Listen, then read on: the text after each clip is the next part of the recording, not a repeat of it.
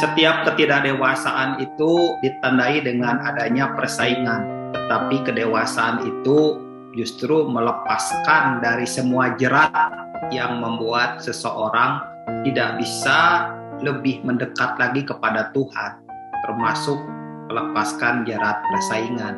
Persaingan ini adalah roh yang paling kotor, roh yang paling menjijikan. Roh itu harusnya nggak boleh ada, termasuk di dalam perusahaan, karena Alkitab menulis aman dalam Tuhan.